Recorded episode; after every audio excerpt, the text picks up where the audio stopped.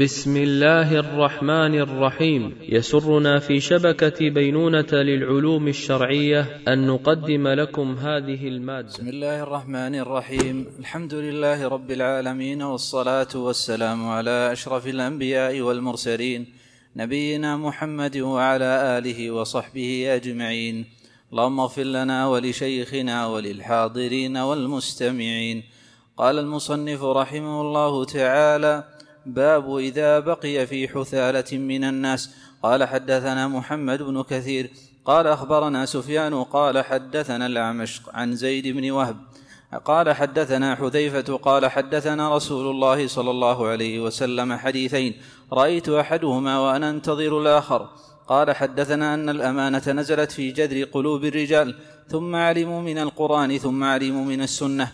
وحدثنا عن رفعها قال ينام الرجل النومة فتقبض الأمانة من قلبه فيظل أثرها مثل أثر الوقت ثم ينام النومة فتقبض فيبقى فيها أثرها مثل أثر المجل كجمر دحرجته على رجلك فنفط فتراه منتبرا فتراه منتبرا وليس فيه شيء ويصبح الناس يتبايعون فلا يكاد أحد يؤدي الأمانة فيقال إن في بني فلان إن في بني فلان رجلا امينا ويقال للرجل ما أعقله وما أظرفه وما أجلده وما في قلبه مثقال حبة خردل من إيمان.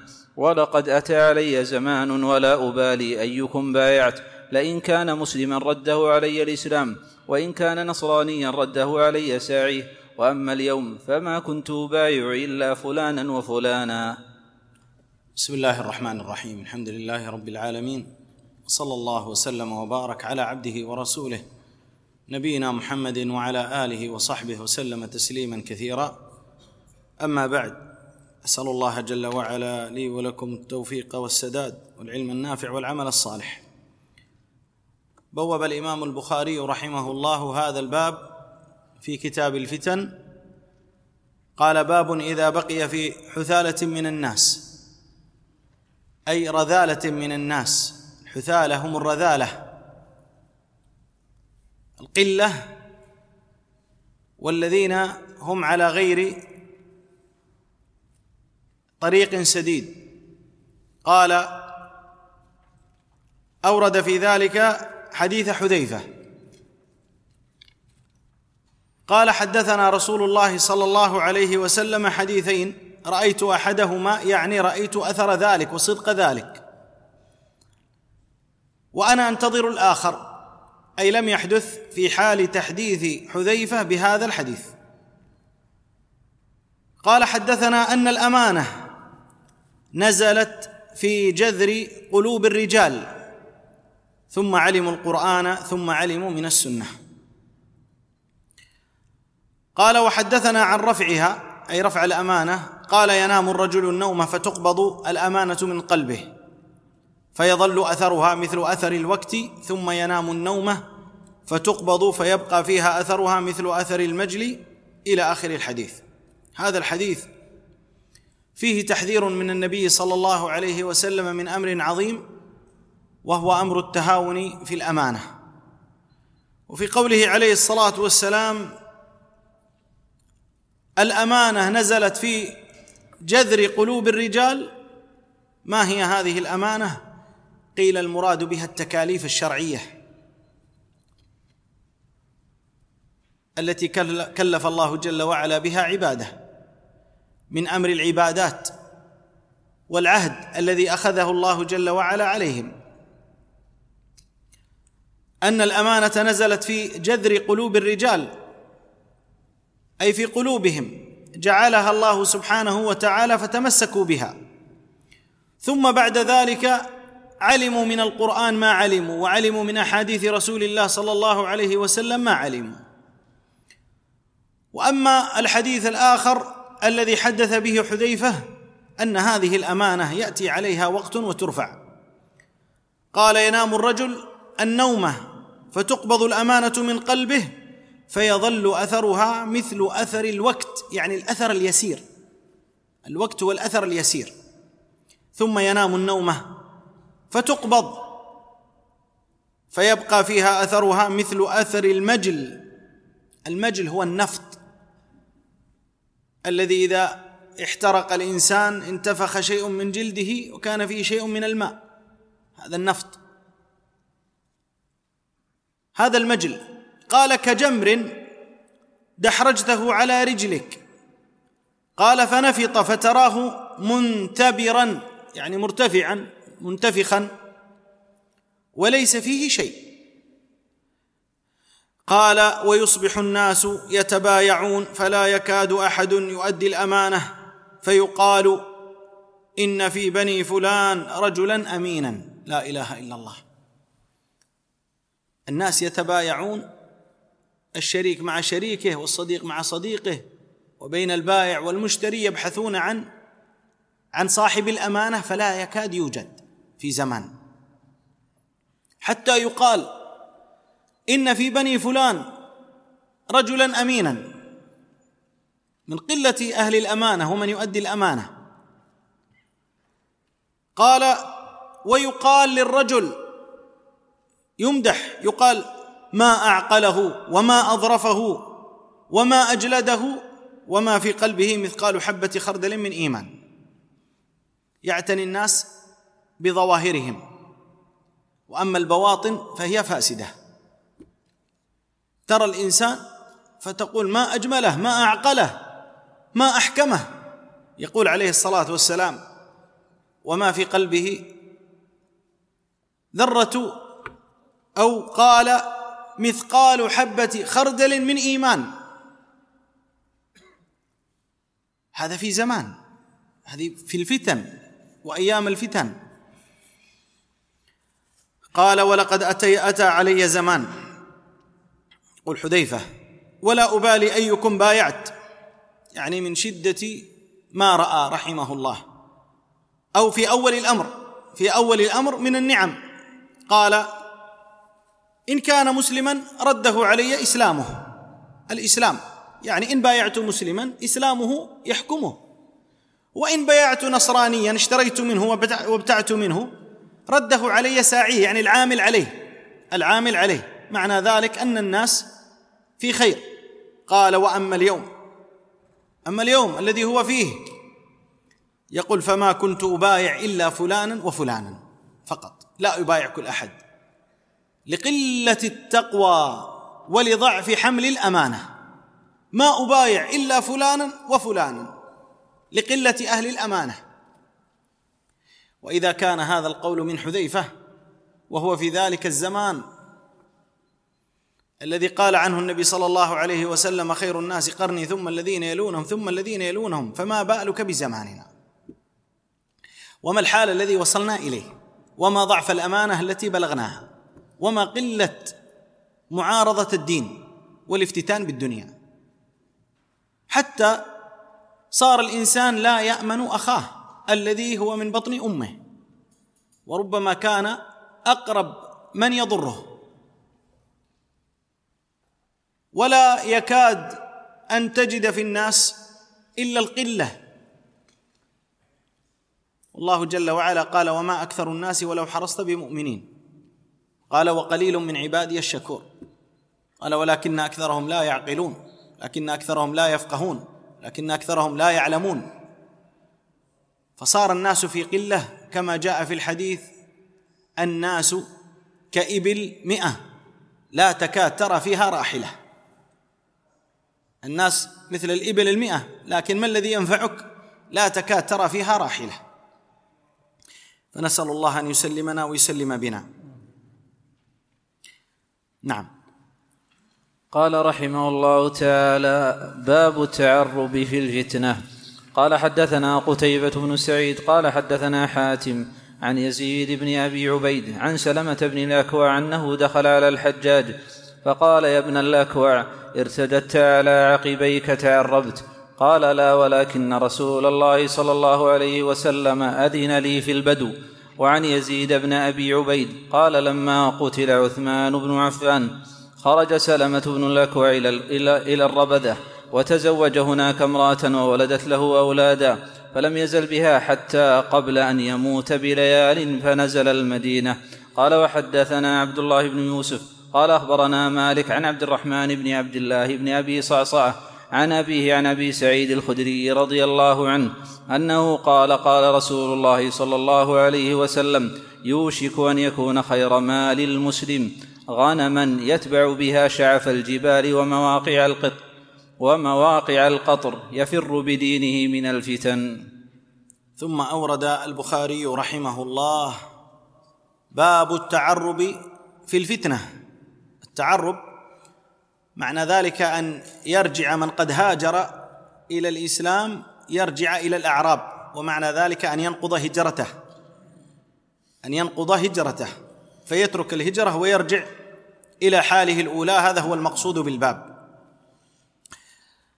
وساق بسنده عن سلمة بن الأكوع أنه دخل على الحجاج بن يوسف الثقفي. قال له يا ابن الأكوع ارتددت على عقب عقبيك تعربت وهذا من سوء ظن الحجاج بهذا الصحابي الجليل. والصحابي أرفع من أن يساء به الظن أو أن يقال له مثل هذه العبارة.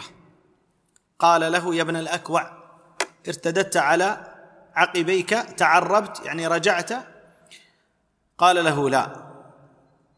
ولكن رسول الله صلى الله عليه وسلم آذن لي في البدو أي في سكن البادية أن أترك المكان الذي أنا فيه وهو هروبه من الفتنة.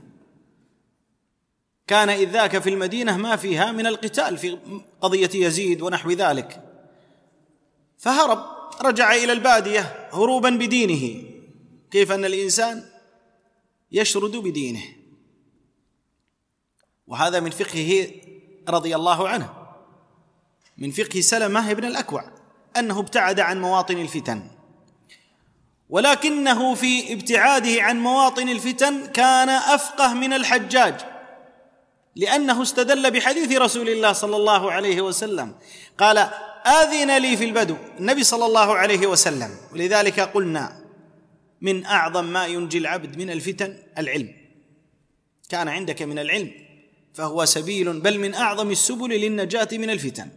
وإلا فإن كثيرا من أنصاف المتعلمين أو من الجهلة هم وقود الفتن وقود النار في هذه الفتن. اذا لم يكن خروجه من المدينة رضي الله عنه فرارا بل كان حفاظا على نفسه ودينه. وجاء في الحديث الآخر قال لما قتل عثمان بن عفان خرج سلمة بن الأكوع إلى الربده هذه منطقة خارج المدينة قريبة من ذات عرق. قال وتزوج هناك امرأة بعيد عن هذه الفتن وولدت له أولادا فلم يزل بها حتى قبل أن يموت بليال نزل في المدينة فمات في المدينة. وهذا من فقهه في ذهابه إلى الربده أو الربذه وفي فقهه في رجوعه في آخر الأمر إلى المدينة فإنه خرج إلى الربذه بحديث رسول الله ورجع إلى المدينة بحديث رسول الله. وما هو الحديث؟ من استطاع أن يموت في المدينة فليفعل. رجع إلى المدينة حتى يموت فيها لأن النبي صلى الله عليه وسلم قال من استطاع أن يموت في المدينة فليفعل. ثم أورد حديث أبي سعيد الخدري سعد بن مالك بن سنان رضي الله عنه أن النبي صلى الله عليه وسلم قال يوشك أن يكون خير مال المسلم غنم يتبع بها شعف الجبال ومواقع القطر يفر بدينه من الفتن. هذا فيه اعتزال الفتن والهروب عنها وعن مخالطة أصحابها وأن ذلك أسلم لدين العبد أن ذلك أسلم لدينه وأحفظ لعقيدته وأخير لإسلامه وإيمانه. نعم. قال رحمه الله تعالى باب التعوذ من الفتن. قال حدثنا معاذ بن فضاء قال حدثنا معاذ بن فضالة قال حدثنا هشام عن قتادة عن أنس رضي الله عنه قال سألوا النبي صلى الله عليه وسلم حتى احفوه بالمسألة فصعد النبي صلى الله عليه وسلم ذات يوم المنبر فقال لا تسألوني عن شيء إلا بينت لكم. فجعلت أنظر يمينا وشمالا فإذا كل رجل رأسه في ثوبه يبكي. فأنشأ رجل فإذا كان فإذا كل رجل فإذا كل رجل رأسه في ثوبه يبكي. فأنشأ هكذا هكذا عندكم جميعا. لاف رأسه في ثوبه يبكي. لاف. كلمة لاف لعلها سقطت أو ربما تكون في رواية لكن كلمة لاف رأسه في ثوبه يبكي. نعم. أحسن الله. فإذا كل رجل لاف رأسه في ثوبه يبكي فأنشأ رجل كان إذا لاح يدعى إلى غير أبيه. فقال يا نبي الله من أبي؟ فقال أبوك حذافة. ثم أنشأ عمر فقال رضينا بالله ربا وبالإسلام دينا وبمحمد رسولا. نعوذ بالله من سوء الفتن. فقال النبي صلى الله عليه وسلم ما رأيت في الخير والشر كاليوم قط. إنه صورت لي في إنه صورت لي الجنة والنار. حتى رأيتهما دون الحائط. قال قتادة يذكر هذا الحديث عند هذه الآية. يا أيها الذين آمنوا لا تسألوا عن أشياء إن تبد لكم تسؤكم. وقال عباس النرسي قال حدثنا يزيد بن زريع قال حدثنا سعيد قال حدثنا قتادة أن أنسا حدثهم أن نبي الله صلى الله عليه وسلم بهذا وقال كل رجل لافا رأسه في ثوبه يبكي وقال عائذا بالله من سوء الفتن أو قال أعوذ بالله من سوء الفتن وقال لي خليفة قال حدثنا يزيد بن زريع قال حدثنا سعيد ومعتمر عن أبيه عن قتادة أن أنسا حدثهم عن النبي صلى الله عليه وسلم بهذا وقال عائذا بالله من شر الفتن. ثم أورد البخاري رحمه الله باب التعوذ من الفتن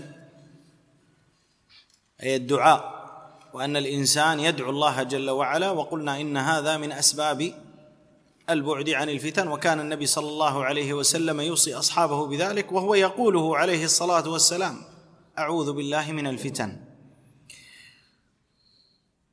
جاء في الحديث أن النبي صلى الله عليه وسلم سأله الصحابة حتى أحفوه يعني أتعبوه في المسألة. وهذا من حرص الصحابة رضي الله عنهم وأرضاهم على العلم وعلى المعرفة. وأن من أسباب تحصيل العلم السؤال. لما سئل ابن عباس كيف طلبت العلم قال بلسان سؤول وعقل أو قلب وعقول بلسان سؤول وقلب عقول. قال صعد النبي صلى الله عليه وسلم ذات يوم قال لا تسألوني عن شيء إلا بينت لكم وهذا خبر صدق منه صلى الله عليه وسلم وفي قوله عن شيء نكرة. وهذا يدل على العموم أي لا تسألوني عن أي شيء. إلا أعطاني الله جل وعلا من هذا علما. قال وربما سألوه عن شيء من أمر جاهليتهم فقال له هذا الرجل قام رجل كان إذا لاح يعني خاصم يدعى إلى غير أبيه. إذا خاصم قالوا له أنت لست ابن فلان. يتهمونه في نسبه. فقال يا نبي الله من أبي؟ قال أبوك حذافة. أبوك؟ قال حذافة. قبل ذلك قال جعلت أنظر يمينا وشمالا حينما سمع الصحابة هذا الأمر من النبي صلى الله عليه وسلم إذا كل رجل أو كل رجل لافا أو لاف رأسه في ثوبه يبكي. من هول هذه الكلمة التي قالها النبي صلى الله عليه وسلم. أحدثكم لا تسألوني عن شيء إلا بينت لكم. قال بعد ذلك قام أنشأ عمر رضي الله عنه وأرضاه. وقال رضينا بالله ربا وبالإسلام دينا وبمحمد صلى الله عليه وسلم رسولا. نعوذ بالله من الفتن أو من سوء الفتن. ما مقصود عمر رضي الله عنه هنا؟ أن لا تأتوا بأسئلة تجر إلى فتن أو تحدث بين الناس الفتن. وقال مسلما رضينا بالله ربا وبالإسلام دينا وبمحمد رسول الله صلى الله عليه وسلم رسولا. فقال النبي صلى الله عليه وسلم ما رأيت في الخير والشر كاليوم قط. أي ما رأيته اليوم كثير. قال إنه صورت لي الجنة والنار حتى رأيتهما. وهذا من الأمر الغيبي الذي أطلع الله جل وعلا نبيه عليه الصلاة والسلام عليه. رأى الجنة والنار رأي العين. قال دون الحائط أي في جهة في جهة الحائط. قال قتادة ويذكر هذا الحديث. يذكره عند قول الله جل وعلا يا أيها الذين آمنوا لا تسألوا عن أشياء إن تبد لكم تسؤكم. لا تسألوا عن أشياء إن تبد لكم تسؤكم. ولذلك قال أهل العلم لا ينبغي على الإنسان أن يسأل عن شيء لا ينفعه ولا أن يتكلف شيئا لا يحتاج إليه ابدا. لما جاء رجل من أهل اليمن يسأل ابن عمر قال له يا ابن عمر أرأيت لو كان كذا؟ قال دع أرأيت في بيتك. أي يسال عن أمر واقعي. ولذلك كان من مميزات مدرسة أهل الحديث في الحجاز أنهم لا يميلون إلى الافتراضيات لأن عندهم من سنة رسول الله صلى الله عليه وسلم ومن الأحاديث ما يغنيهم. فيسألون عما ينفعهم. وقد حذرنا رسول الله صلى الله عليه وسلم فقال من حسن إسلام المرء تركه ما لا يعنيه. قال بعد ذلك في حديث أنس بطريق آخر قال كل رجل لاف راسه في ثوبه يبكي وقال عائذا بالله من سوء الفتن أو قال أعوذ بالله من سوء الفتن أي من خطرها ومن ضررها ومن سوءها. وهذا من حرصهم رضي الله عنهم وأرضاهم. ثم أيضا أورد من حديث من طريق آخر من حديث أنس قال وقال عائذا بالله من شر الفتن. عائذا بالله من شر الفتن. الفتن يا إخوة ضررها أنها سبيل للانحراف في هذه الدنيا وسبيل للعذاب في الآخرة. ولذلك العبد يحرص على السلامة بالتمسك بسبيل السلامة. وهو طريقه عليه الصلاة والسلام. وأن يبتعد عن كل سبب يحرفه عن هذا الطريق وأن الدين لا يجرب فيه. لا يقال أجرب أحاول لا مانع أن أدخل وأنظر. يقول عليه الصلاة والسلام من سمع بالدجال إيش؟ فلينأ عنه. قال ابن بطة العكبري وغيره من أهل العلم قالوا وفي هذا دليل على أن الإنسان إذا سمع بالفتنة يبتعد عنها. من سمع بالدجال فلينأ عنه يبتعد عنها. لا أن يأتي إليها ربما وقع فيها. وإن وقع في الفتنة ما الذي يخلصه؟ وما الذي يخرجه؟ وربما وقع في الفتنة فتدين بها رآها دينا وتمسك بها وصار منتصرا للفتن والأهواء. فالمطلوب إذن أن الإنسان يبتعد عن الفتن ومن سبيل الابتعاد عن الفتن ما جاء في التبويب التعوذ بالله من الفتن. نعم. قال رحمه الله تعالى باب قول النبي صلى الله عليه وسلم الفتنة من قبل المشرق. قال حدثنا عبد الله بن محمد قال حدثنا هشام بن يوسف عن معمر عن الزهري عن سالم عن أبيه عن النبي صلى الله عليه وسلم أنه قام إلى جنب المنبر فقال الفتنة ها هنا الفتنة ها هنا من حيث يطلع قرن الشيطان أو قال قرن الشمس. قال حدثنا قتيبة بن سعيد قال حدثنا ليث عن نافع عن ابن عمر عن ابن عمر رضي الله عنهما أنه سمع أنه سمع رسول الله صلى الله عليه وسلم وهو مستقبل المشرق. يقول ألا إن الفتنة هنا من حيث يطلع قرن الشيطان. قال حدثنا علي بن عبد الله قال حدثنا أزهر بن سعد عن ابن عون عن نافع عن ابن عمر قال ذكر النبي صلى الله عليه وسلم اللهم بارك لنا في شامنا اللهم بارك لنا في يمننا. قالوا يا رسول الله وفي نجدنا؟ قال اللهم بارك لنا في شامنا اللهم بارك لنا في يمننا. قالوا يا رسول الله وفي نجدنا فأظنه قال في الثالثة هناك الزلازل والفتن وبها يطلع قرن الشيطان. قال حدثنا إسحاق بن شاهين الواسطي قال حدثنا خالد عن بيان عن وبرة بن عبد الرحمن عن سعيد بن جبير قال خرج علينا عبد الله بن عمر فرجونا أن يحدثنا حديثا حسنا. قال فبادرنا إليه قال فبادرنا إليه رجل فقال يا أبا عبد الرحمن حدثنا عن القتال في الفتنة. والله يقول وقاتلوهم حتى لا تكون فتنة. فقال هل تدري ما الفتنة ثكلتك أمك؟ إنما كان محمد صلى الله عليه وسلم يقاتل المشركين وكان الدخول في دينهم فتنة وليس كقتالكم على الملك.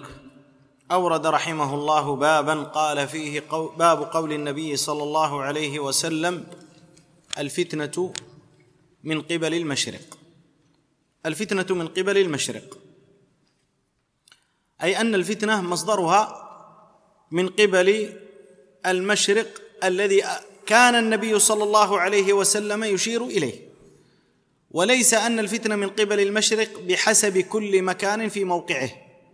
ومعنى ذلك لا يأتي شخص في جهة من الجهات فيقول الفتنة من قبل المشرق وإنما هو المشرق الذي عناه رسول الله صلى الله عليه وسلم مشرق المدينة.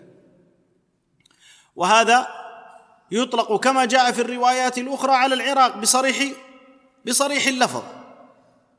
فقوله عليه الصلاة والسلام وهو يدعو بالبركة لأهل الشام ولأهل اليمن قال اللهم بارك لنا في شأمنا وفي اللهم بارك لنا في يمننا. قالوا يا رسول الله في نجدنا. قال اللهم بارك لنا في شأمنا اللهم بارك لنا في يمننا. فكرروا عليه قال في الثالثة هناك الزلازل والفتن وبها يطلع قرن الشيطان. ما هو قرن الشيطان؟ قيل إن للشيطان قرن يطلع إذا طلعت الشمس يكون مقارنا لها كما في بعض التفاسير. وقيل المراد بذلك ظهور الفتن والنزاعات والخلافات فهذا هو قرن الشيطان. أي عمله هناك وجهده هناك. ثم إن في قوله عليه الصلاة والسلام هناك الزلازل وقد سئل عن نجد النجد المراد به المكان المرتفع. المراد به المكان المرتفع. ونجد العراق مكان مرتفع ويدل على أن المقصود منه ذلك هو ورود لفظة العراق في جملة الأحاديث. فظهرت فيها فتنة الخوارج وكانت هذه البلدة فيها من ال الإشكال وفيها من القتال ما قيد في تاريخ الإسلام بشكل بشكل كبير. إذن المراد من ذلك هي الجهة التي أشار إليها النبي صلى الله عليه وسلم. ثم قال في الحديث الآخر قال خرج علينا عبد الله بن عمر. يقول سعيد بن جبير فرجونا أن يحدثنا حديثا حسنا. معنى ذلك أنهم كانوا يرغبون بأن يحدثهم بحديث ينتفعون منه.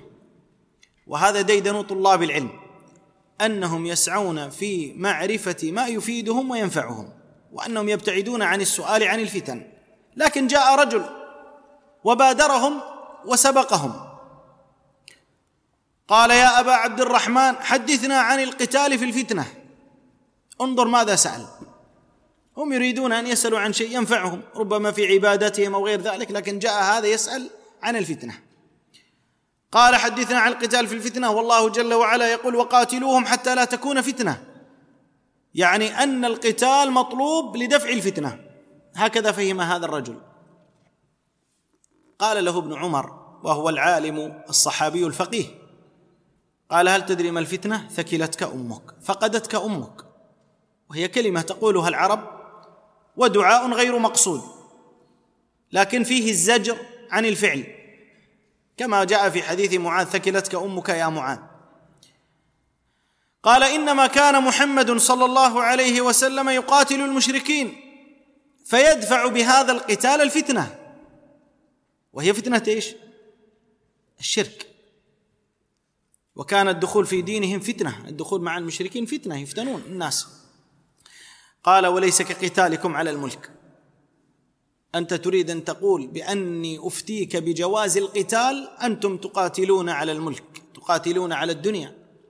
ونبينا صلى الله عليه وسلم قاتل على الدين لئلا تكون فتنة. أن ينتشر الإسلام ويندحر الشرك. ففرق بين قتال نبيك صلى الله عليه وسلم على أمر دينه ودفع الشرك وبين قتالكم على طلب الدنيا وطلب الملك. كان هذا التوجيه من عمر بن ابن عمر رضي الله عنه وهو الصحابي الجليل أحد السبعة المكثرين من رواية الحديث عن رسول الله صلى الله عليه وسلم يتبين فيه فقهه. ويتبين فيه أن القتال على قسمين.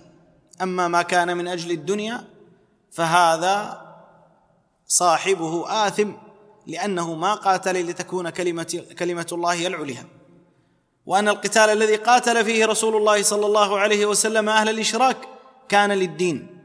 وقد قال صلى الله عليه وسلم من قاتل لتكون كلمة الله هي العليا فهو في سبيل الله. نعم. قال رحمه الله تعالى باب الفتنة التي تموج كموج البحر. وقال ابن عيينة عن خلف بن حوشب كانوا يستحبون أن يتمثلوا بهذه الأبيات عند الفتن. قال امرؤ قال امرؤ القيس الحرب أول ما تكون فتية تسعى بزينتها لكل جهول حتى إذا اشتعلت وشب ضرامها ولت عجوزا غير ذات غير ذات حليل. شمطاء ينكر لونها وتغيرت مكروهة للشم والتقبيل. قال حدثنا عمر بن حفص بن غياث قال حدثنا أبي قال حدثنا الأعمش قال حدثنا شقيق. قال سمعت حذيفة يقول بينا نحن جلوس عند عمر إذ قال أيكم يحفظ قول النبي صلى الله عليه وسلم في الفتنة. قال فتنة الرجل في أهله وماله وولده وجاره تكفرها الصلاة والصدقة والأمر بالمعروف والنهي عن المنكر. قال ليس عن هذا أسألك ولكن, ولكن التي تموج كموج البحر. قال ليس, ليس عليك منها بأس يا أمير المؤمنين إن بينك وبينها بابا مغلقا. قال عمر أيكسر الباب أم يفتح؟ قال بل يكسر. قال عمر قال عمر إذا لا يغلق أبدا. قلت أجل قلنا لحذيفة أكان عمر يعلم الباب؟ قال نعم كما أعلم أن, دو كما أعلم أن دون غد الليلة. وذلك أني حدثته حديثا ليس بلغاليط. فهبنا, فهبنا أن نسأله فهبنا أن نسأله من الباب. فأمرنا مسروقا فسأله فقال من الباب؟ قال عمر. نعم. قال حد قال الإمام البخاري رحمه الله باب الفتنة. التي تموج كموج البحر يعني من عظمها ومن شدتها ومن خطورتها. ثم أورد قول امرئ القيس وورد عن غيره الحرب أول ما تكون فتية تسعى بزينتها لكل جهول حتى إذا اشتعلت وشب ضرامها ولت عجوزا غير ذات حليل. شمطاء ينكر لونها وتغيرت مكروهة للشم والتقبيل. الحرب أول ما تكون فتية أول ما تبدأ يبدأ الإنسان يسعى إليها. وكل شخص يرفع عقيرته بهذه الفتنة. لكنها تسعى بهذه الزينة لتجر أهلها إليها. فإذا جاءوا إليها وشب ضرامها اشتعلت نارها ذلك التزين التي كانت تبدو وكأنها امرأة حسناء. تبين أنها عجوز شمطاء. قبيحة. فتنة. فتلك التي افتتن بها الناس فتقدموا إليها تبين أنها عجوز شمطاء لا يريد أحد أن يراها. مكروهة للشم والتقبيل. ثم ذكر حديث حذيفة. أمين سر رسول الله صلى الله عليه وسلم قال بينما أو بينا نحن جلوس عند عمر أي بينما نحن جلوس عند عمر. إذ قال أيكم يحفظ قول النبي صلى الله عليه وسلم في الفتنة؟ عمر يريد أن يعلمهم. قالوا فتنة الرجل في أهله وماله وولده وجاره تكفرها الصلاة والصدقة والأمر بالمعروف والنهي عن المنكر. ما يحصل للعبد من تنغيص في ماله أو في أهله. أو في متاعه وتقصير منه في ذلك فيكفرها بما يحصل له من الصلاة أو الصدقة أو إذا أتى الامر بالمعروف والنهي عن المنكر وهذا يدخل في قول الله جل وعلا إن الحسنات يذهبن السيئات. هذه حسنات فتذهب ما كان منك من التقصير. لكن عمر فقيه وما أراد ذلك. قال ليس عن هذا أسألك ولكن التي تموج كموج البحر العظيمة فيها الدماء والأنفس وتغير الناس والاختلاف. قال ليس عليك منها بأس يا أمير المؤمنين إن بينك وبينها بابا مغلقا. هناك باب مغلق يا عمر. قال عمر أيكسر يكسر الباب أم يفتح؟ قال بل يكسر لأنه إن كان يفتح ممكن أن يغلق لكن إن كان يكسر لا يعود. إنه يصير غير صالح للاستعمال مكسور. فقال إذا لا يغلق أبدا. إذا حدثت هذه الفتنة التي قصدها حذيفة فهي فتنة تتلوها فتن لا يغلق أبدا. قلت أجل قلنا لحذيفة أكان عمر يعلم الباب؟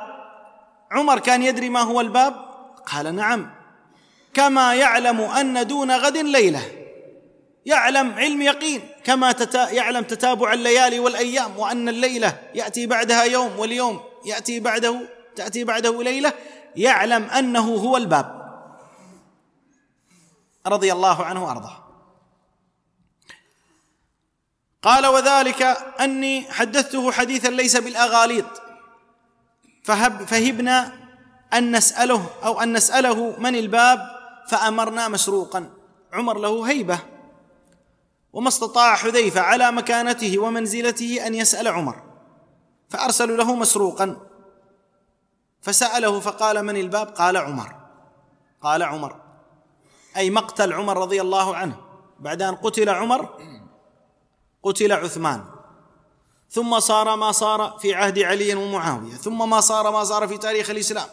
وخرجت الفرق المعتزلة والجهمية والخوارج. وصار من الاقتتال الشيء العظيم. وتمزقت الكثير من من بلاد الإسلام بسبب هذه الفتن. وأغلب ما كان في هذه الفتن بعد ذلك الحرص على الدنيا. فهذا الباب الذي لن يغلق لكن قد يتفاوت في بلد دون بلد وقد يظهر في بقعة دون أخرى. نعم. قال رحمه الله تعالى قال حدثنا سعيد بن أبي مريم قال أخبرنا محمد بن جعفر عن شريك بن عبد الله عن سعيد بن المسيب عن أبي موسى الأشعري رضي الله عنه قال خرج النبي صلى الله عليه وسلم إلى حائط من حوائط المدينة لحاجته وخرجت في إثره فلما دخل الحائط جلست على بابه وقلت لاكونن اليوم بواب النبي صلى الله عليه وسلم ولم يأمرني. فذهب النبي صلى الله عليه وسلم وقضى حاجته وجلس على قف البئر. فكشف عن ساقيه ودلاهما في البئر فجاء أبو بكر يستأذن عليه ليدخل فقلت كما أنت حتى أستأذن لك؟ فوقف فجئت إلى النبي صلى الله عليه وسلم فقلت يا نبي الله أبو بكر يستأذن عليك. قال إذن له وبشره بالجنة. فدخل فجاء عن يمين النبي صلى الله عليه وسلم فكشف عن ساقيه ودلاهما في البئر فجاء عمر فقلت كما أنت حتى أستأذن لك؟ فقال النبي صلى الله عليه وسلم إئذن له وبشره بالجنة. فجاء عن يسار النبي صلى الله عليه وسلم فكشف عن ساقيه فدلاهما في البئر فامتلأ القف فلم يكن فيه مجلس ثم جاء عثمان فقلت كما أنت حتى أستأذن لك. فقال النبي صلى الله عليه وسلم إئذن له وبشره بالجنة معها بلاء يصيبه.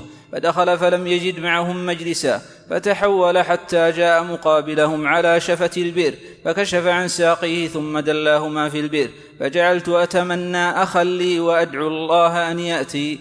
قال ابن المسيب فتأولت ذلك قبورهم اجتمعت ها هنا وانفرد عثمان. نعم. أورد بعد ذلك هذا الحديث العظيم حديث أبي موسى الأشعري. خرج النبي صلى الله عليه وسلم يوما إلى حائط من حوائط المدينة إلى بستان من بساتينها. قال وخرجت في إثره فلما دخل الحائط جلست على بابه وقلت لاكونن اليوم بواب النبي صلى الله عليه وسلم ولم يأمرني. أي لم يأمره النبي عليه الصلاة والسلام أن يكون بوابا لكنه أحب أن يكون بوابا لرسول الله صلى الله عليه وسلم. وهذا من حسن أدبه وحسن صحبته للنبي صلى الله عليه وسلم. وفيه جواز اتخاذ البواب كما قال أهل العلم. قال فذهب النبي صلى الله عليه وسلم قضى حاجته وجلس على قف البئر أي على شفا البئر. فكشف عن ساقيه ودلاهما في البئر. كان الساقين إلى جهة البئر وهو جالس على حافة البئر.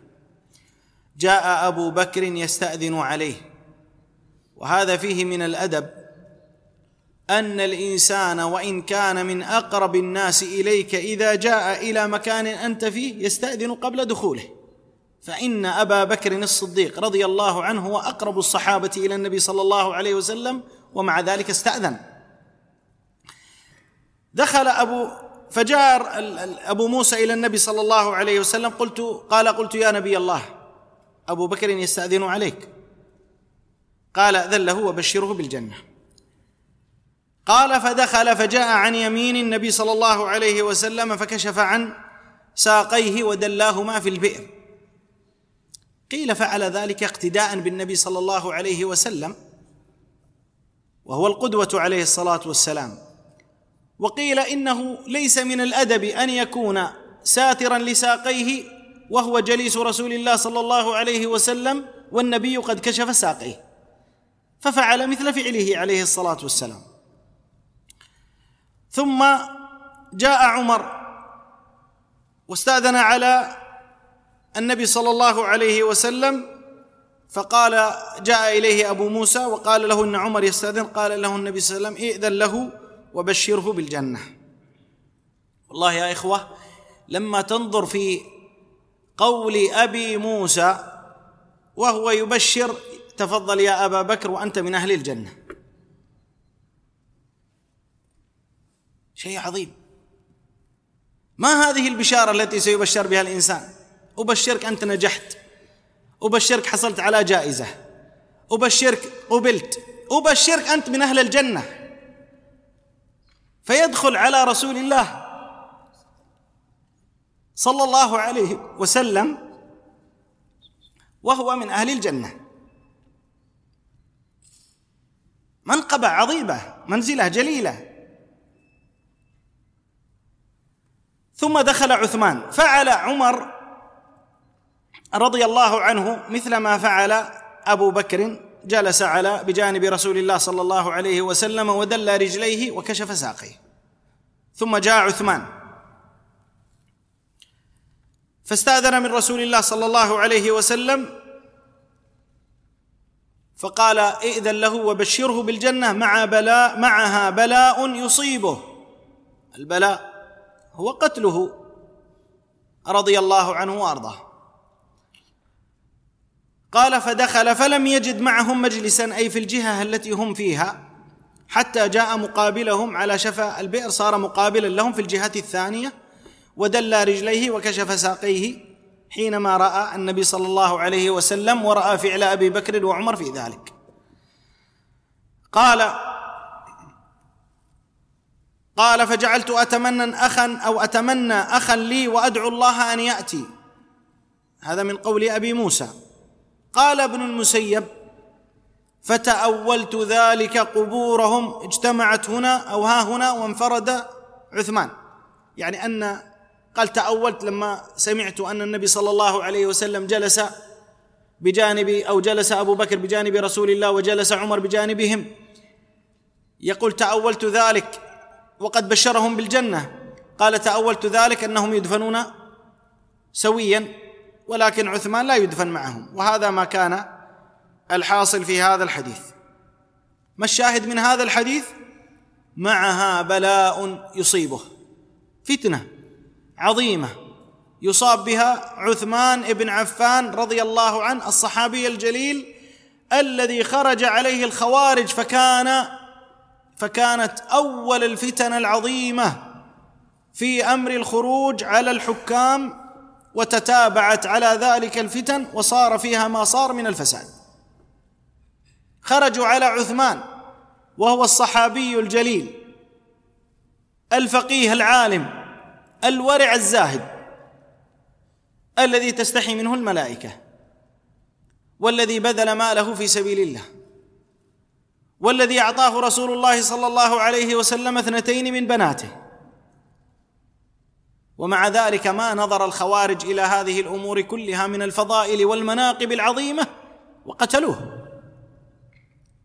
فكيف بمن يأتي بعده؟ فكانت هذه الفتنة فتنة عظيمة. حينما يموت أحد الخلفاء الراشدين يقتل على يد هؤلاء الخوارج الذين ورثوا أمر الخروج لمن جاء بعدهم فساروا على طريقتهم إلى زماننا هذا. فقال بشره بالجنة ومعها بلاء. قال بلاء يصيبه. وهذه من فضائل هؤلاء الصحابة رضي الله عنهم وأرضاهم وفيه فضيلة أبي موسى أيضا حينما تمنى أن يأتي أخوه ولكنه لم يأتي. تمنى وهذا من حبه لأخيه الذي قصده فإنه إذا جاء غلب على ظنه أن النبي صلى الله عليه وسلم سيقول له ائذن له وبشره. بالجنة فأراد هذه الفضيلة لأخيه. نعم. قال رحمه الله تعالى قال حدثني بشر بن خالد قال أخبرنا محمد بن جعفر عن شعبة عن سليمان قال سمعت أبا وائل قال قيل لأسامة ألا تكلم هذا؟ قال قد, كل قال قد كلمته ما دون أن أفتح بابا أكون أول من يفتحه. وما أنا بالذي يقول لرجل بعد ان يكون اميرا على رجلين انت خير بعد ما سمعت من رسول الله صلى الله عليه وسلم يقول يجاء برجل فيطرح في النار فيطحن فيها كطحن الحمار برحاه فيطيف به أهل النار فيقولون اي فلان الست كنت تامر بالمعروف وتنهى عن المنكر فيقول إني كنت آمر بالمعروف ولا أفعله وأنهى عن المنكر وأفعله. أورد بعد ذلك حديث أبي وائل أنه قيل لأسامة أسامة بن زيد قيل له لو أتيت فلانا فكلمته أو هذا فكلمته يعنون عثمان رضي الله عنه وأرضاه. لو أتيت فلانا فكلمته وجزاء الشرط هنا محذوف والتقدير لكان صوابا. كلمته لكان لكان صوابا. وقال في بعض الروايات ألا تدخل على عثمان فتكلمه؟ ماذا قال أسامة بن زيد؟ قال قد كلمته ما دون أن أفتح بابا. كلمته فيما بيني وبينه فيما أراه. ولن أفتح بابا أقول فيه قد كلمت الخليفة وبينت الحال. ونحو ذلك. لذلك قال أهل العلم من ينصح الحاكم ولو كان سرا ثم يخرج إلى الناس ويقول قد نصحته أن هذا من أسباب الفتن والخروج. هذا من أسباب الفتن. لأن من أدب النصح للحاكم أن تحفظ هيبته ومكانته ومنزلته بين الناس وأن تحفظ توقيره لا أن تعامله كما تعامل عامة الناس. فقال ما كنت أو ما دون أن أفتح بابا أكون أول من يفتحه قال وما أنا بالذي أقول لرجل بعد أن يكون اميرا على رجلين. أنت خير بعد ما سمعت من رسول الله صلى الله عليه وسلم يقول يجاء برجل فيطرح في النار فيطحن فيها كطحن الحمار برحاه. أي يطحن كحال الحمار الذي يطحن الرحى. قال فيطيف به أهل النار يأتون عليه أهل النار. أي فلان ألست كنت تأمر بالمعروف وتنهى عن المنكر؟ فيقول إني كنت آمر بالمعروف ولا أفعله وأنهى عن المنكر وأفعله. معنى ذلك أني لا يمكن أن أجامل في دين الله تبارك وتعالى. ولا يمكن أن أؤيد خطا ولا أن أنكر معروفا.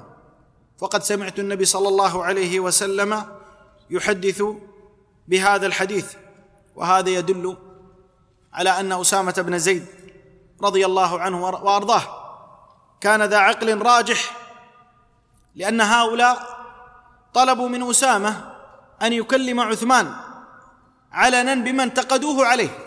هم ينتقدون عثمان على شيء وطلبوا أسامة أن يكلمه علنا لكنه بين أنه لن يكلمه علنا ابدا. ولعله يعلم حديث رسول الله صلى الله عليه وسلم. من كان عنده نصيحة لذي سلطان فلا يبدي علانية. ولكن ليأخذ بيده وليخلو به فإن قبل منه فذاك وإن لم يقبل أدى الذي عليه. نعم. قال رحمه الله تعالى باب. قال حدثنا عثمان بن الهيثم قال حدثنا عوف عن الحسن عن أبي بكرة قال لقد نفعني الله بكلمة أيام الجمل لما بلغ النبي صلى الله عليه وسلم أن فارسا ملكوا ابنه, ابنة كسرى. قال لن يفلح قوم ولوا أمرهم امرأة. نعم. يقول البخاري رحمه الله باب وهل ورد هذا الباب أم سقط في النسخ؟ الله أعلم. أو أنه اكتفى بأن هذا باب يختلف عن غيره من الأبواب السابقة وفي ذكر الحديث ما يغني عن التبويب. قال أورد في ذلك حديث أبي بكرة. قال أبو بكر لقد نفعني الله بكلمة أيام الجمل الجمل الفتنة العظيمة التي حصلت بين الصحابة رضي الله عنهم وأرضاهم.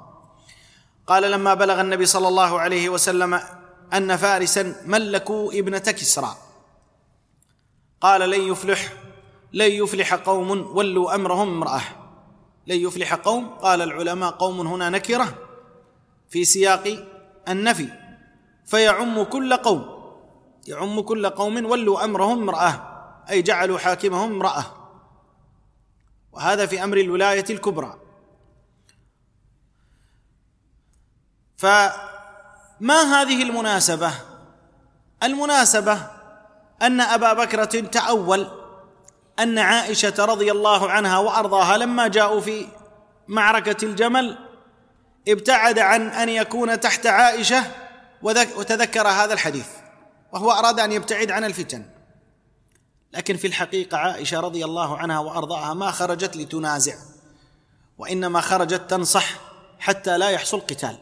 وهذا من رجاحة عقلها ومن حسن صنيعها رضي الله عنها وأرضاها. نعم. قال رحمه الله قال حدثنا عبد الله بن محمد قال حدثنا يحيى بن آدم قال حدثنا أبو بكر بن عياش قال حدثنا أبو حسين قال حدثنا أبو مريم قال حدثنا أبو مريم عبد الله بن زياد الأسدي قال لما سار طلحة والزبير وعائشة إلى البصرة بعث علي عمار بن ياسر وحسن بن علي فقدمنا علي فقدم فقدما علينا الكوفة فصعد المنبر فكان الحسن بن علي فوق المنبر في أعلاه وقام عمار وقام عمار أسفل من الحسن فاجتمعنا إليه فسمعت عمارا يقول إن عائشة قد سارت إلى البصرة والله إنها لزوجة نبيكم صلى الله عليه وسلم في الدنيا والآخرة ولكن الله تبارك وتعالى ابتلاكم ليعلم إياه تطيعون امه قال حدثنا أبو نعيم قال حدثنا ابن غنية عن الحكم عن أبي وائل قال قام عمار على منبر الكوفة فذكر عائشة وذكر مسيرها وقال إنها زوجة نبيكم صلى الله عليه وسلم في الدنيا والآخرة ولكنها مما ابتليتم. قال حدثنا بد قال حدثنا بدل بن المحبر قال حدثنا شعبة قال أخبرني عم قال سمعت أبا وائل يقول دخل أبو موسى وأبو مسعود على عمار حيث بعثه علي إلى أهل الكوفة يستنفرهم فقالا ما رأيناك أتيت امرأ أكره أكره عندنا من اسراعك في هذا الأمر منذ أسلمت. فقال عمار ما رأيت منكما منذ أسلمتما أمرا أكره عندي من إبطائكما. من ابطائكما عن هذا الأمر وكساهما حلة حلة ثم راحوا إلى المسجد. قال حدثنا عبدان عن أبي حمزة عن الأعمش عن شقيق بن سلمة قال كنت جالسا مع أبي مسعود وأبي موسى وعمار فقال أبو مسعود ما من أصحابك أحد إلا لو شئت لقلت فيه غيرك وما رأيت منك شيئا منذ صحبت منذ صحبت النبي صلى الله عليه وسلم. أعيب عندي من استرع من من من استسراعك في هذا الأمر. قال عمار يا أبا مسعود وما رأيت منك ولا من أص ولا من صاحبك هذا شيئا. منذ صحبتما النبي منذ صحبتما النبي صلى الله عليه وسلم أعيب عندي من إبطائكما في هذا الأمر. فقال أبو مسعود وكان موسرا يا غلام هات حلتين. فأعطى إحداهما أبا موسى والأخرى عمار وقال روحا فيه إلى روحا فيه إلى الجمعة. اللهم سلمنا اللهم سلمنا. مثل هذه يا إخوة الأحاديث عظيمة كانت بين الصحابة رضي الله عنهم وأرضاهم. ذكر في ذلك حديث عبد الله بن زياد الأسدي أو الأسدي. قال لما سار طلحة والزبير وعائشة إلى البصرة بعث علي عمار بن ياسر وحسن بن علي. قام الحسن ووقف عمار بن ياسر في أسفل المنبر ثم كان يقول إن عائشة قد سارت إلى البصرة ووالله إنها لزوجة نبيكم في الدنيا والآخرة ولكن الله تبارك وتعالى ابتلاكم ليعلم إياه تطيعون ام هي كان هذا اجتهاد. ولن نخوض في هذه الفتنة التي سلم الله جل وعلا منها سيوفنا فلنسلم منها ألسنتنا. لكن حصل بين الصحابة رضي الله عنهم ما حصل والذي نعتقده أنهم جميعا رضي الله عنهم وأرضاهم مجتهدون وأنهم جميعا بإذن الله للأجر محصلون وأنها فتنة عظيمة نسلم منها ألسنتنا. وينبغي لمن يقرأ في كتب التاريخ ولا سيما فيما وقع في هذه الوقائع أن ينتبه لكثير من الروايات المكذوبة التي فيها من الظلم والتعدي والبهتان على ألسن الصحابة رضي الله عنه وهم براء من ذلك. فتنة حصلت وقتال حصل ومذهب أهل السنة في ذلك أنهم جميعا رضي الله عنهم وأرضاهم مجتهدون وأنهم بإذن الله جميعا من أهل الجنة وأنهم محصلون للأجر على اجتهادهم وإن أخطأ من أخطأ. لكنهم جميعا مجتهدون في ذلك. ما كان أحد من الصحابة رضي الله عنهم وأرضاهم يريد أمر الدنيا. وما حصل من قتال فقد وردت الروايات التاريخية بدخول كثير من أهل النفاق والخوارج للإيقاع بين الصحابة رضي الله عنهم وأرضاهم. ذكر بعد ذلك يعني أراد عمار رضي الله عنه يقول إنها زوجة نبيكم في الدنيا والآخرة ولكن عمار كان مع علي رضي الله عنه وأرضاه. وجاءت عائشة ومن معها لأمر الصلح في ذلك فاستدل بهذا الحديث. ثم أيضا أورد أن أبا موسى وأبا مسعود البدري دخلوا على عمار حيث بعثه علي رضي الله عنه إلى أهل الكوفة. يستنفرهم يعني يجيش الجيش. قال له ما رأيناك أتيت امرا أكره عندنا من اسراعك في هذا الأمر. يعني يا عمار لا تسرع في هذا الأمر. لكن عمار مجتهدا رضي الله عنه وأرضاه قال ما رأيت من منكما مذ أسلمتما امرا أكره عندي من إبطائكما بهذا الأمر.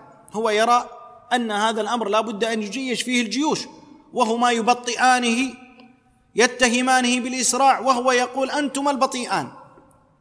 وهذا ما يحصل في مثل هذه الأحوال. هي فتن حصلت في أوائل هذه الأمة. ولا زالت تحصل نسأل الله أن يسلمنا منها. نعم. قال رحمه الله تعالى باب إذا أنزل الله بقوم عذابا.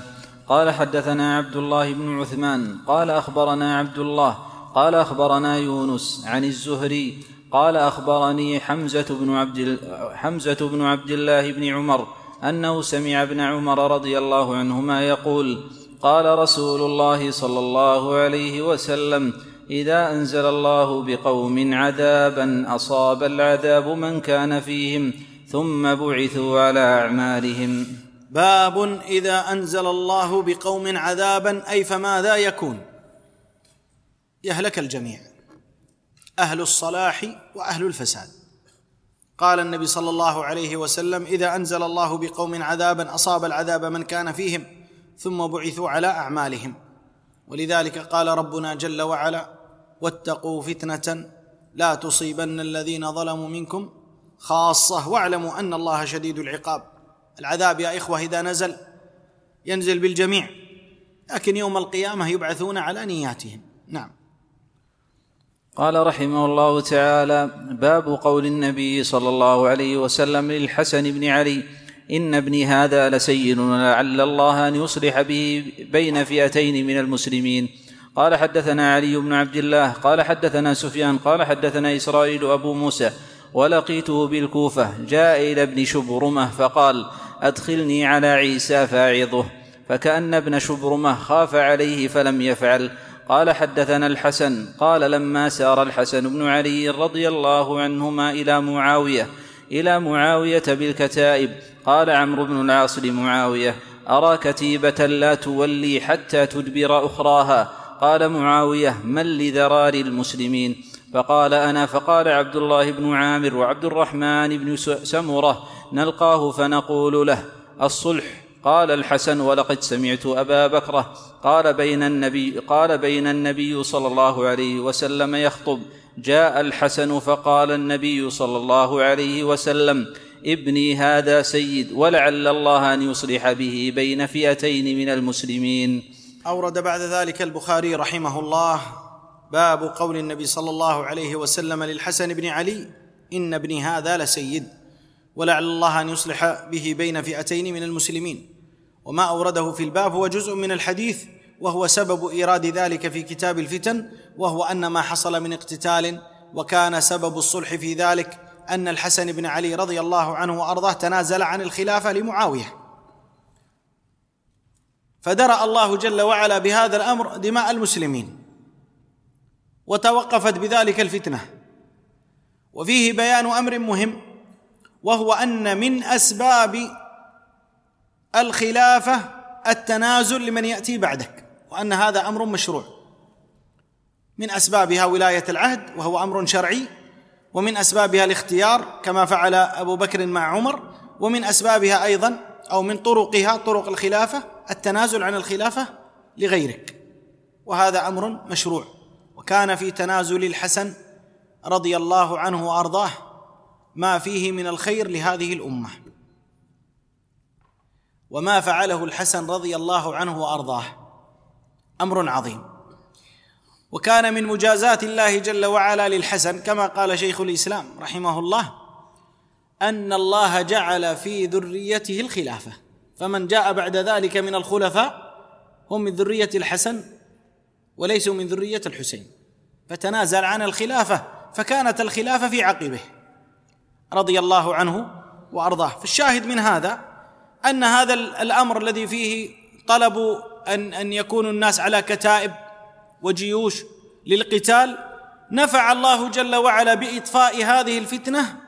هذا التصرف العاقل من هذا الصحابي الجليل والذي هو من سيد من سادة أهل الجنة الحسن بن علي بن أبي طالب رضي الله عنه وأرضاه. ومعنى سيد أنه ذو شرف ذو شرف ومكانة. رضي الله عنه. نعم. قال رحمه الله قال حدثنا علي بن عبد الله قال حدثنا سفيان قال قال عمرو قال أخبرني محمد بن علي أن حرملة مولى أسامة.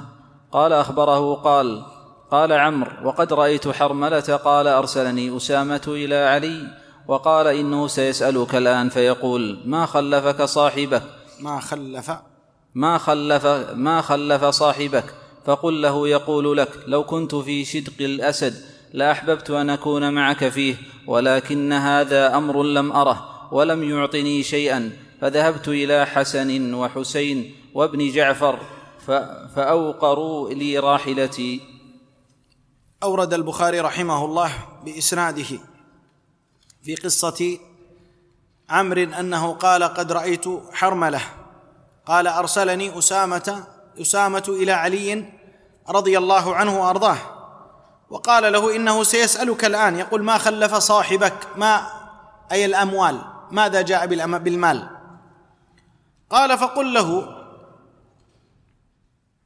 يقول لك لو كنت في شدق الأسد في فكه في فك الأسد والأسد إذا كنت في فكه قتلك. قال لو كنت في شق الأسد لاحببت أن أكون معك فيه. أي إذا كنت في أمر الحق ولو كنت في شدق الأسد فلن أتخلى عنك. ولكن هذا أمر لم أره.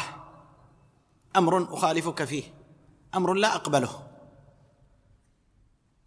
وهذا فيه صدق الصحابة رضي الله عنهم وأرضاهم مع محبتهم لبعضهم وترابطهم وتآلفهم. لكن حينما يرى أن هذه فتنة يبتعد عنها. يقول أنا وأنت لو كنا في مكان قتل قتلنا سويا في أمر حق ظاهر لا إشكال فيه لكن هذا الأمر أنا لا أراه. فاعذرني. اذا يا إخوة قاعدة الموت مع الجماعة رحمة باطلة. بل إن الإنسان ينظر في حاله وفيما يقربه إلى الله جل وعلا. وأن من أضر ما يضر الإنسان في دينه أن يقلد غيره في هذه الفتن. بل ينأى بنفسه ويبتعد بنفسه ولا يرضى لنفسه إلا الحق في ذلك فإن لم يعرف الحق من الباطل اعتزل الفتنة. نعم. اصبروا وصابروا ورابطوا واتقوا الله لعلكم تفلحون. قال رحمه الله تعالى باب إذا قال عند قوم شيئا ثم خرج فقال بخلافه.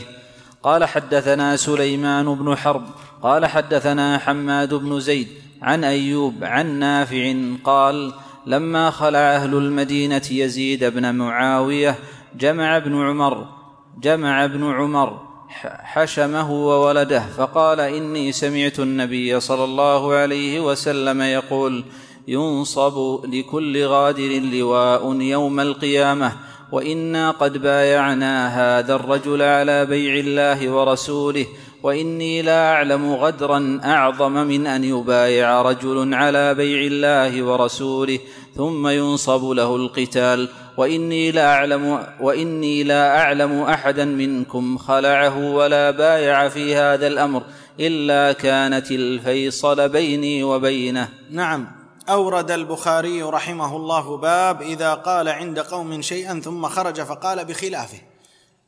وهذا حال ذي الوجهين وفيه تحذير من ذلك. ثم أورد في ذلك حديث ابن عمر أن ابن عمر في أيام خلع أهل المدينة ليزيد يزيد بن معاوية خلفه أبوه معاوية وفائدة يا إخوة. يكره الخوارج معاوية ابن أبي سفيان ويكرهون يزيد كما يكره أهل الرفض عمر بن الخطاب. أما كره الخوارج لمعاوية لأنه أول من فعل خلافة العهد أو ولاية العهد فلذلك يتحدثون عن هذا الأمر في معاوية ويتنقصون إلى زماننا حتى تجد في كتابات الإخوان المسلمين في كتبهم التنقص من معاوية رضي الله عنه وأرضاه. وهذا من قديم. كما تجد في أهل الرفض الطعن في عمر أشد ما يطعنون. لأن عمر هو من؟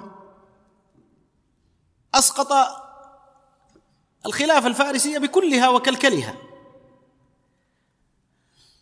فحينما أراد أهل المدينة أن يخلع يزيد بن معاوية ويزيد قد كان يذكر عنه شيء من الفسق لكن ليس شيئا من الكفر.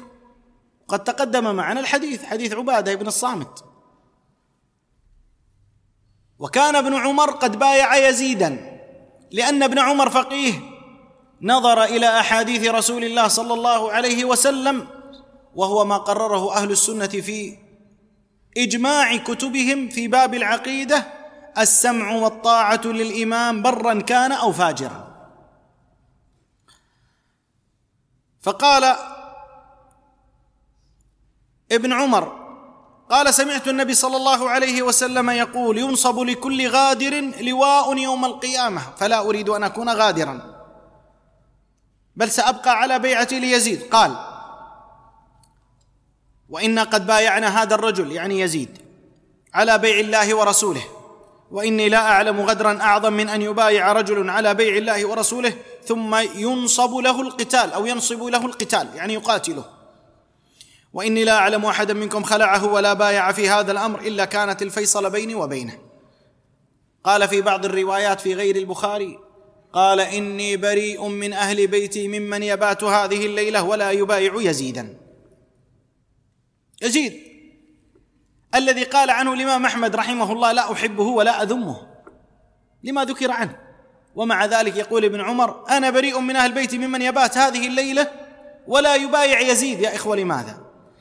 لأن في فتن الخروج من الفساد الشيء العظيم والدمار وهلاك الحرث والنسل. لكن من فقه الصحابة رضي الله عنهم وأرضاهم أنهم يقدرون هذه الأمور ويمتثلون أمر رسول الله صلى الله عليه وسلم في ذلك. نعم. قال رحمه الله قال حدثنا أحمد بن يونس قال حدثنا أبو شهاب عن عوف عن أبي المنهال قال لما كان ابن زياد ومروان بالشام وتب ابن الزبير بمكة ووتب القراء بالبصرة فانطلقت مع أبي إلى أبي برزة الأسلمي حتى دخلنا عليه في داره وهو جالس في ظل علية له من قصب فجلسنا إليه فأنشأ بي يستطعمه الحديث فقال يا أبا برزة ألا ترى, ألا ترى ما وقع فيه الناس؟ فأول شيء سمعته تكلم به. إني احتسبت عند الله أني أصبحت ساخطا على أحياء قريش. إنكم يا معشر العرب كنتم على الحال الذي علمتم من الدلة والقلة والضلالة. وإن الله أنقذكم بالإسلام وبمحمد صلى الله عليه وسلم. حتى بلغ, حتى بلغ بكم ما ترون وهذه الدنيا التي أفسدت بينكم إن ذاك الذي بالشام والله إن يقاتل والله إن يقاتل إلا على دنيا وإن هؤلاء الذين بين أظهركم والله إن يقاتلون إلا على دنيا وإن ذاك الذي بمكة والله إن يقاتل إلا على الدنيا. أورد البخاري رحمه الله بسنده إلى أبي برزة الأسلمي أو في حديث أبي برزة الأسلمي.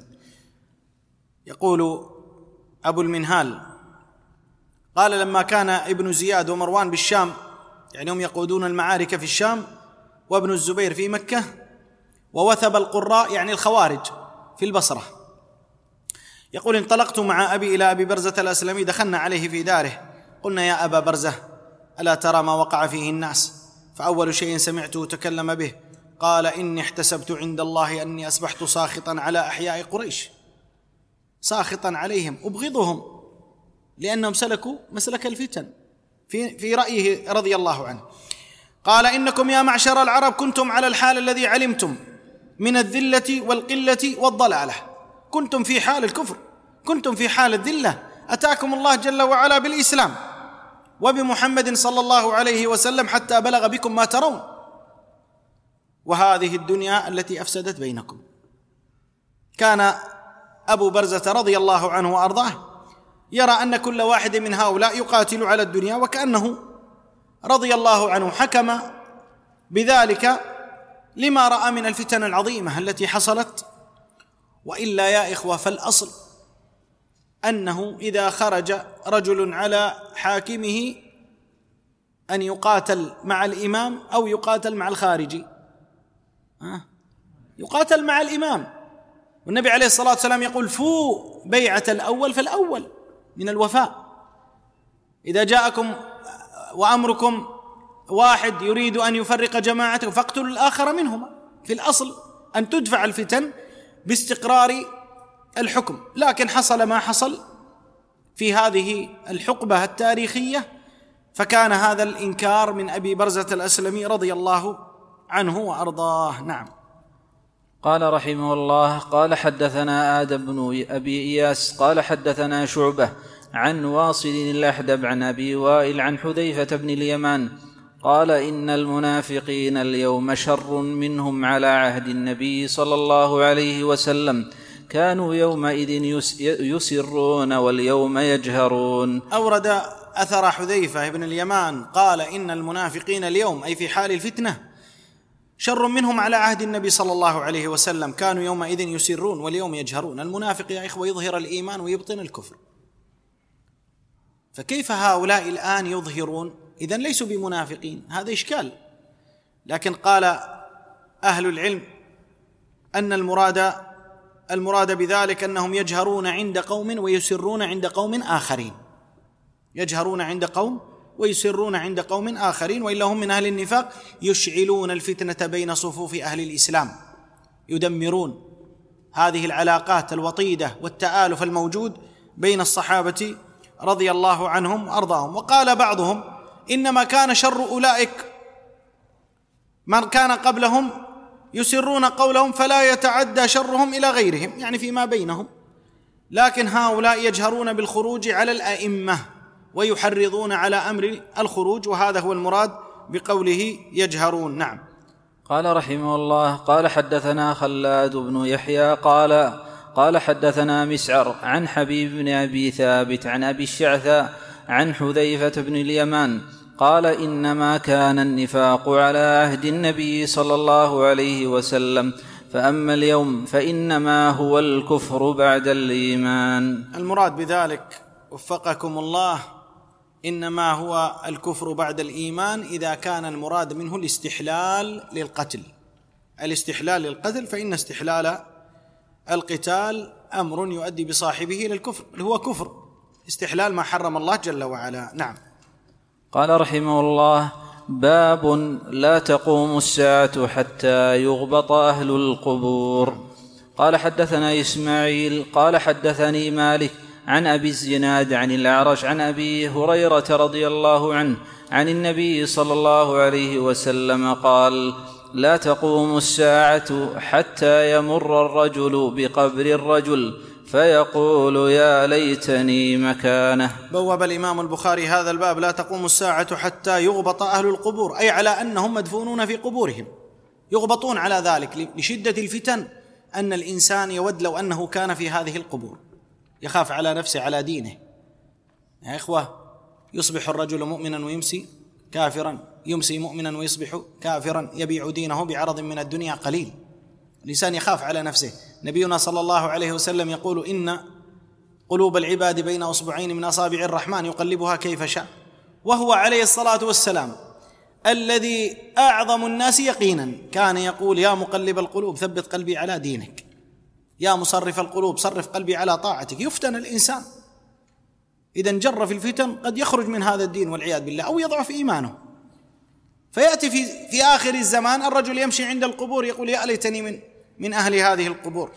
يتمنى خوف أن أن يفتن قبل موته. لكن هل يجوز الإنسان أن يتمنى الموت مطلقا؟ لا. لقوله عليه الصلاة والسلام لا يتمنين أحدكم الموت لضر نزل به.